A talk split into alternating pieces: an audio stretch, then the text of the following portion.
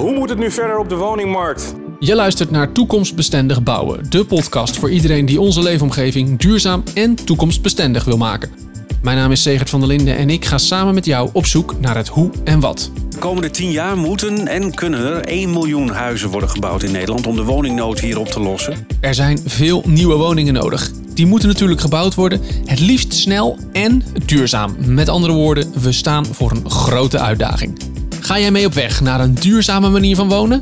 Dan is dit de podcast voor jou. Mijn gasten dagen je uit om maximaal gebruik te maken van alle mogelijkheden. En voor ons is verduurzaming van wijken en woningen van groot belang. We willen groene buurten.